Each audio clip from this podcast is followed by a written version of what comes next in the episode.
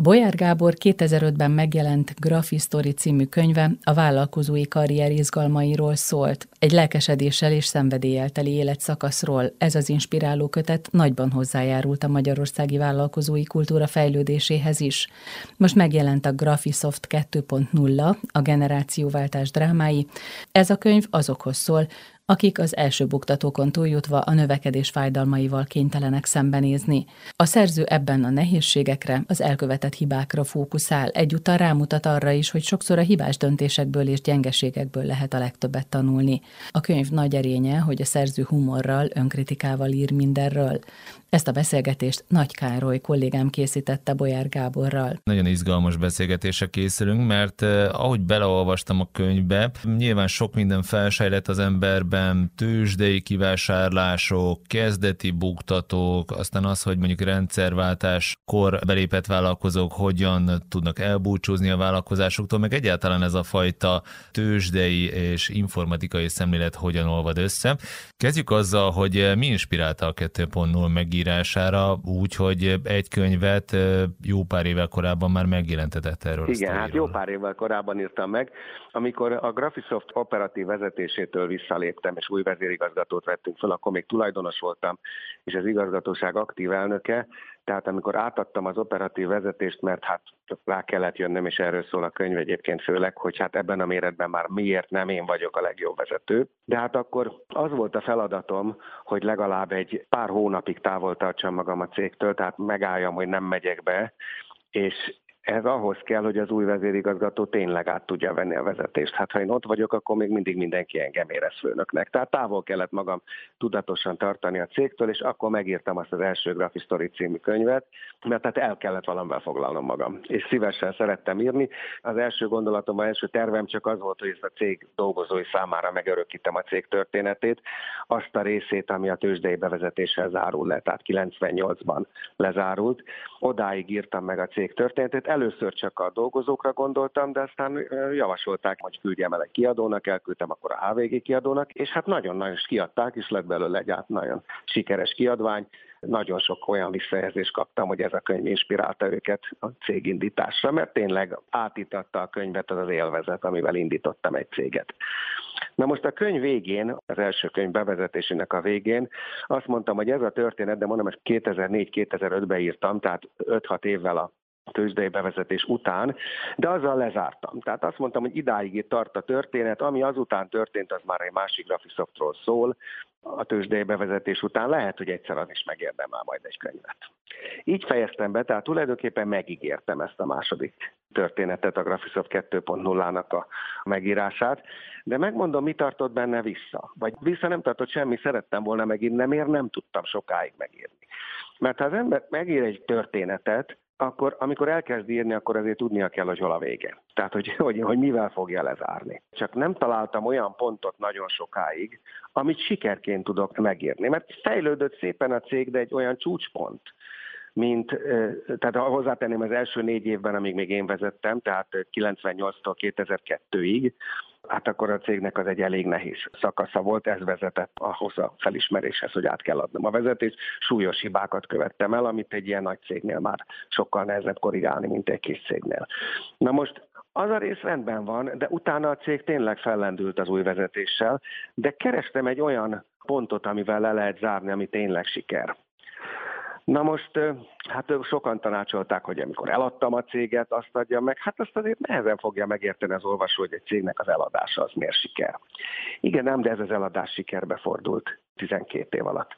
2007-ben adtam el a, adtuk el a céget, és a cég akkori kinevezett vezérigazgatója, Várkonyi Viktort 2019-ben nevezték ki a minket felvásárló cégcsoport vezetőjévé. Hát ezt nagyon nagy sikerként éltem meg, hogy azért végül is mi lettünk annak a felvásárlott cégcsoportnak a legnagyobb eleme, legnagyobb cége. Ugye ez a cégcsoport az összesen 2000 dolgozóval működik, és ebből majd közel 700 a Graphisoft, tehát messze is 10 cég van benne. És hát innen Budapestről Várkanyi Viktor vezeti az egész cégcsoportot. Na most, amikor ez megtörtént, akkor azt mondtam, na ez az a pont ameddig meg lehet írni a második történetet. Tehát 98 végétől, tehát a tőzsdei bevezetés utántól gyakorlatilag a 20 év történetét. Hát akkor azért írtam meg, mert megígértem. Na most erről volt szó, hogy tulajdonképpen ez is egy nyitott kérdés volt, hogy ez is megérdemele egy, egy nyilvános kiadást, vagy inkább csak a cég dolgozóinak szól.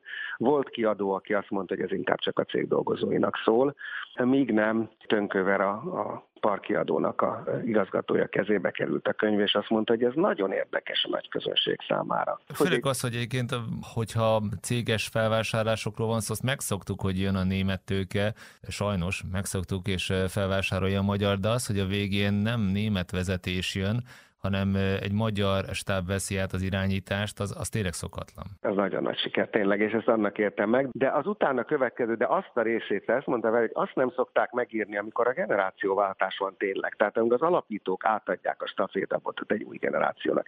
Ezt nem szokták megírni. Tehát az első könyv, sokáig arra gondoltam, hogy ez nem tud olyan sikeres lenni, hiszen az első könyv az egy nagyon érdekes történelmi háttér mellett háttérben történik a történet. Ugye az 82-től 98-ig, tehát a rendszerváltás előtt 8 év és utána 8 év, tehát azt a 16 évet öleli át. Ez mint a történelmi háttéré vállalkozó szemével ez magában érdekes, és hát egy cég nulláról hogy jut el a tőzsdére, egy nemzetközi tőzsdére, a frankfurti tőzsdére, hát ez is érdekes. Gondoltam, ez biztos, hogy sokkal érdekesebb, mint a következő 20 év, ahol a bugdácsolásokról írok, és aztán a vezetés átadásáról. Erre azt mondta Tönkövere, hogy nem igaz, ez a sokkal érdekesebb. Ugyanis olyat, hogy nulláról hogy lesz egy cégből nemzetközi tőzsdényegyzett nagy cég, hát olyat sokat írtak már. Mondjuk magyarból még talán kevesebbet, de magyar is létezik, tudnék még mondani történeteket.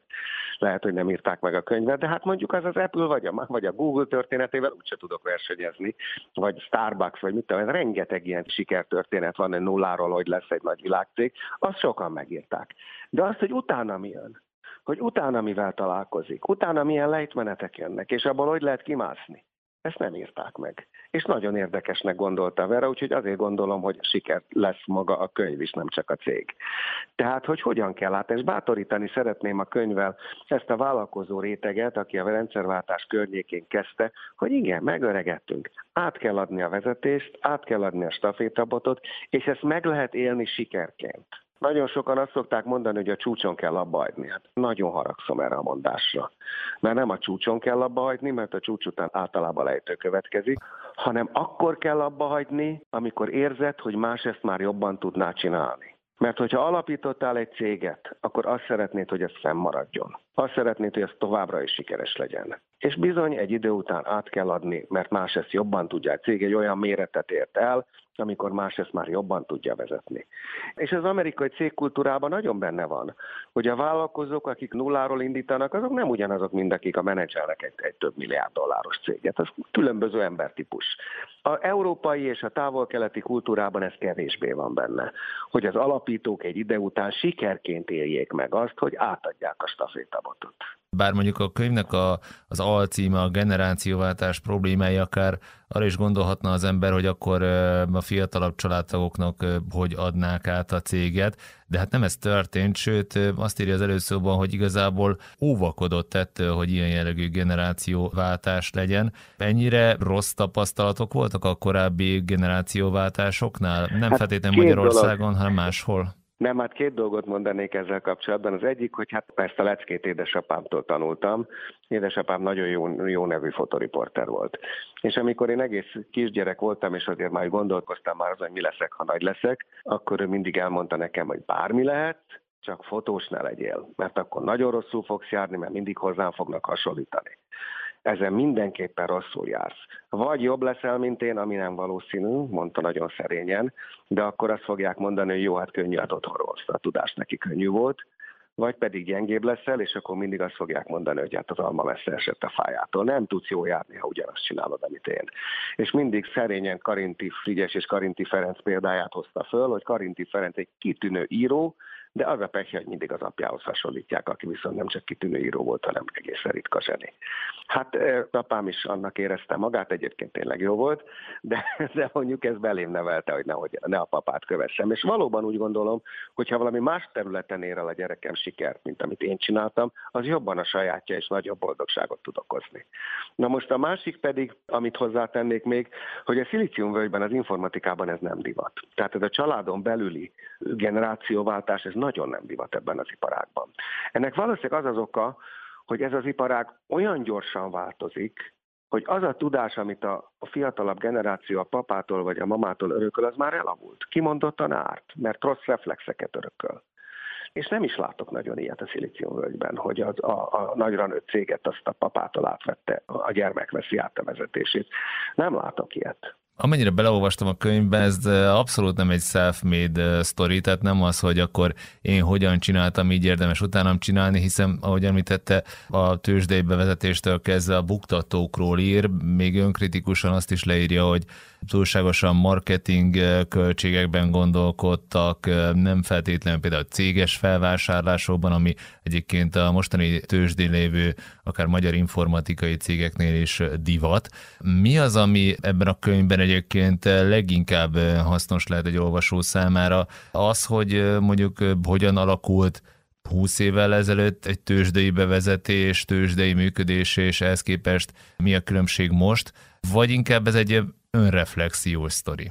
Hát a, a mottóját a könyvnek azt a szerkesztő javasolta, és egy nagyon szellemes mottója. A Tolstoynak, a Anna Kareninából ismert, nagyon-nagyon jól ismert idézetnek a megfordítása. Az eredeti idézet valahogy úgy szól, hogy a boldog családok egyformák, de a boldogtalanok a maguk módján boldogtalanok. Na most ezt én megfordítottam a cégekre vonatkozólag, hogy a sikeres cégek a maguk módján sikeresek, de az elkövetett hibák hasonlóak. Tehát egy sikersztorit nagyon nehéz lemásolni. Ezer dologtól függ, hogy egy cég mitől lesz sikeres és hogyan. Elsősorban a szerencsétől. De még nagyon sok minden. Jó időzítéstől, rengeteg mindentől. Csupa olyan dolog, amit nehéz másolni. Tehát nem igazán hasznos egy vállalkozó számára, hogy elolvassa a harmadik sikersztorit, mert az tök más lesz, mint az övé volt, mint az előzőek voltak, mert a sikersztorik különbözőek. De a hibák azok hasonlóak. Tehát elolvasni, hogy milyen hibákat lehet elkövetni, na ez sokkal hasznosabb kis cégek, induló cégek vezetőinek is, és nagy cégek vezetőinek is, üzletembereknek is, és, és vállalkozóknak is. Ez azért két nem teljesen ugyanaz a kategória. Tehát a elkövethető hibák ismertetés és azokból tanulni sokat lehet.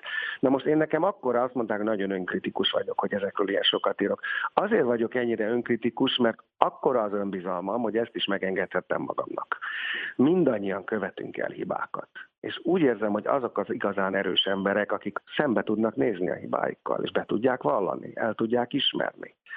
Ez vonatkozik emberekre is, és valahol megjegyeztem a könyvben, és ez vonatkozik országokra is, népekre is. Minden népnek vannak bűnei, és azok az igazán erős népek, amelyek a saját bűneikkel szembe tudnak nézni, és nem letagadni próbálják azokat. 98-as tőzsdei bevezetés ugye Németországban, és aztán pár év múlva a magyar tőzsdei bevezetés. Azt gondolom, hogy sokszor megkérdezték nyilván, hogy miért fordítva történt, és miért nem először Magyarországon, aztán Németországban, viszont pont ez az az időszak, ami hát dotcom lufi kipukkanás, tehát nem biztos, hogy mondjuk jó pillanat volt a 2000-es évek eleje, könnyű lenne erre fogni azt, hogy a Graphisoft vezetése abban az időszakban miért hát fogalmazunk úgy, hogy bukdácsolt, vagy pedig tényleg benne volt ez az időszak, hogy plusz nehézség Nem, volt. nem, nem, nem erről van szó. Mi azért vezettük be nemzetközi tőzsdére, mert a cég alapvetően nemzetközi volt. Nekünk az értékesítéseinek 1-2 százaléka volt Magyarországon. Tehát ez egy nemzetközi cég volt kezdettől. Ezt az is volt az első könyvnek a alcíme, hogy egy magyar minimulti története. Ez egy jellegében multi cég volt, csak persze nem akkor, mint, mint amekkorákat szoktak ez a szó mögött érteni. Tehát ennek az volt a természetes, hogy ezt egy nemzetközi tőzsdén vezetjük be. Eredetileg a NASDAQ-on próbáltuk bevezetni, Annyi volt a pehünk, hogy a dollár, és akkor még nem volt euró, a dollár és a német márka aránya nagyon rosszul alakult 97 környékén, amikor a bevezetést csináltuk, és ami értékesítésünknek nagy része Európában volt. És mivel a dollár nagyon felértékelődött akkor a német márkához képest, ezért az európai eladásaink dollárban kifejezve nem néztek ki jól. És ezért választottuk a német tőzsdét, mert ott viszont sokkal jobban néztek ki, mert ott márkában kellett mindent jelenteni, és ez egyszer. Tehát egyszerűen, egyszerű elnézést, hogy egy ilyen bonyolult közgazdasági dolgot mondok, de az árfolyam alakulás miatt választottunk európai tőzsdét, és hát amiatt is ez természetes volt, hogy az eladásainknak 60-70%-a Európában volt, nem Magyarországon, de Európában. Úgyhogy egy és nagyon nagy része Németországban. Tehát egy német tőzsdei bevezetés adódott. Na most egy dolog miatt viszont csalódnunk kellett a német tőzsdére, és végül is ezért csináltunk egy másodlagos bevezetés Budapesten, hogy ott nem voltak nem német cégek. Tehát a német tőzsdének abban a szekciójában, amit úgy hívtak, hogy Neue Markt, amit a NASDAQ mintájára találtak ki, hogy ez kimondottan az ilyen technológiai cégeknek való, mint mi vagyunk, ott csak német cégek voltak. Ez miért volt hátrány? Ez azért volt hátrány, mert az elemzők nem foglalkoztak velünk. Tehát a tőzsdei elemzők, akik meg akarják látogatni a céget, és azután írnak elemzéseket róla, azok egy magyar cég, nem jönnek el, az egyetlen nem német cég miatt nem jönnek el Budapestre. Tehát a banki elemzők nem foglalkoztak velünk, mert magyar cégként ott idegenek voltunk. Úgyhogy ez is hozzájárult ahhoz, hogy az árfolyamunk nagyon rosszul alakult. És az is, és akkor ne csak a külső körülményekre fogja, egy valamihez, több mindenhez, de egy valamihez különösen nem értettünk, hogy hogy kell felvásárolni cégeket. És a tőzsdén azt várják el, hogy felvásároljunk cégeket, és ebben bizony mi nem voltunk jók ehhez. Én se értettem, kollégáim se, nagyon sok hibát követtünk el.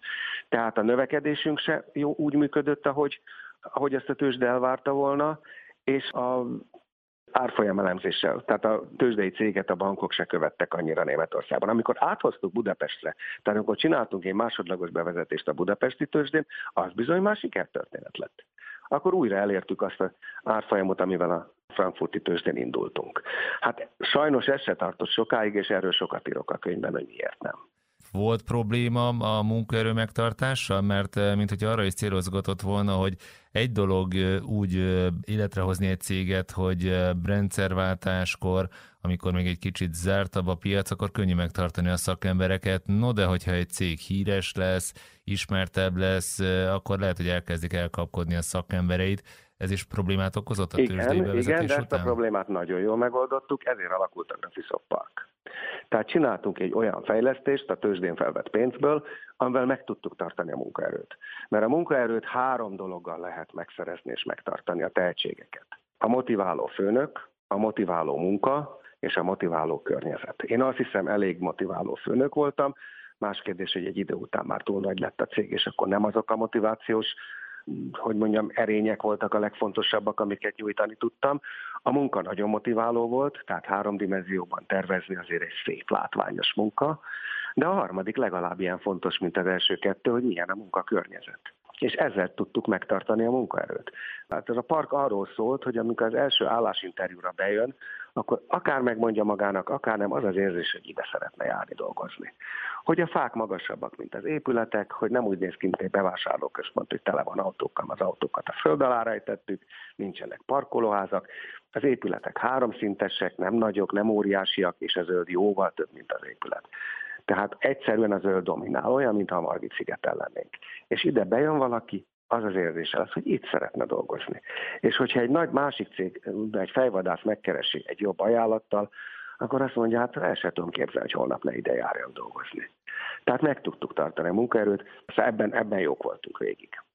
Nekem, amikor általában céges eredményeket nézek, mondjuk gyors jelentést, akkor sokszor az az érzésem, hogy egyfajta ilyen rossz nyűkként érik meg a cégvezetők, hogy negyed évente be kell számolni, és egyfajta iránymutatást kéne mondani. Ez cégvezetőként, amíg irányított a tőzsdei cégként a Graphisoftot, ugyanígy érte meg? Ez volt a tőzsdei bevezetésünknek a legpozitívabb hozadéka, hogy igen, rákényszerültünk, hogy negyedévként olyan jelentést csináljunk, amit értenek a befektetők. Mert hogy a befektetők számára tisztává tegyük és transzparensé, hogy a cégnek milyenek az eredményei, az magunknak is tisztába tette és transzparensé. Mi magunk, a menedzsment is jobban értette a céget ezen kényszer hatása alatt, hogy negyed évente jelenteni kell. És olyan módon, hogy ezt értsék. Van egy hátránya is ennek, hogy túlzott fókusz van a rövid távú eredményeken. Tehát mert a negyedéves jelentések mozgatják legjobban az árfolyamot, a tőzsdei árfolyamot pedig az elemzők is a tőzsdei árfolyamot nézik, úgyhogy ezt a csapdát kerülni kell, és ezt is ajánlottam a könyvben, hogy a tőzsde részéről jön egy olyan nyomás, hogy a negyedéves eredmények a legfontosabbak. Nem igaz, a hosszú távú eredményekre is oda kell figyelni, és a negyedévesre is. Ezt a kettőt egyensúlyban kell tartani. Az se jó, hogyha csak a hosszú távra készülök, mert akkor hajlamos vagyok, hogy mondjam, félrevezetni magam. Az, az könnyű, elbújok, hát az még nem látszik. Tehát azt mondom, hogy jó, majd, hogy mi lesz öt év múlva, az könnyű megígérni egyszerre kell tudni megígérni azt, hogy mi lesz öt év múlva, és azon tényleg dolgozni, és azt, hogy mi lesz a következő negyed évben, mert ezt viszont számon kérik. Van az előszóban egyébként egy nagyon érdekes kis sztori, még csak így zárásként, hogy volt egy üzleti iskolának az előadójaként egy Igen. előadása, ahol gyakorlatilag az üzleti iskolának a szlogenjével a totálisan ellenkezőt vetítette fel, tehát hogy a vállalkozók születnek és nem magukat Igen. alakítják, és pontosan az ellentétje az üzleti iskolának a, a szlogenje. Ezt most is tartja? Tehát a vállalkozók Én születnek? úgy gondolom, és ezt tanítom az én iskolámban, nekem most van egy, egy ilyen felsőoktatási intézményünk, az Akvinkumi Technológiai Intézet, ahol alapvetően programozóknak, tehát informatikus mérnöknek, készülőknek adunk egy egyszemeszteres képzést, alapvetően amerikaiaknak, akik megfizetik azt a tandíjat, amivel ez az intézmény profitábilisan működni tud. És itt mi a hidat teremtjük meg az üzleti világ és a tudományos világ között, erről szól ez az intézmény, és arról, és az én kurzusom ezen belül arról szól, hogy el tudja magáról dönteni a hallgató, hogy ez neki való vagy nem. Tehát én jó karriertre szeretném nevelni a a diákokat, és nem vállalkozónak. Hogy aki nem akart vállalkozó lenni, talán rájön, hogy hoppá, ez lehet, hogy nekem való, vagy aki az akart lenni, az, az meg azt mondja, hogy hát ez nem nekem való igazán. Sok mindentől függ. A legtipikusabbnak azt mondják, hogy mondjuk a kockázatviselő képesség. Az is igaz. Egy vállalkozónak nagyon nagy ambíciókkal kell bírnia, és ezért cserében vállal kockázatot, észszerű kockázatot, de adott esetben nagy kockázatot. De még egy ennél fontosabb tulajdonságnak érzem, hogy mi okoz örömet? Az, amit saját maga teljesít, vagy az, amit másokból kihoz. És ha ez utóbbi okoz örömet, akkor legyél vállalkozó. Mert az olyan, hogy a vállalkozó az embereiben hozza ki a csodát. Bolyár Gáborral a Graphisoft 2.0, a Generációváltás drámái című könyvről beszélgetett Nagy Károly. A könyv a Park kiadó gondozásában jelent meg.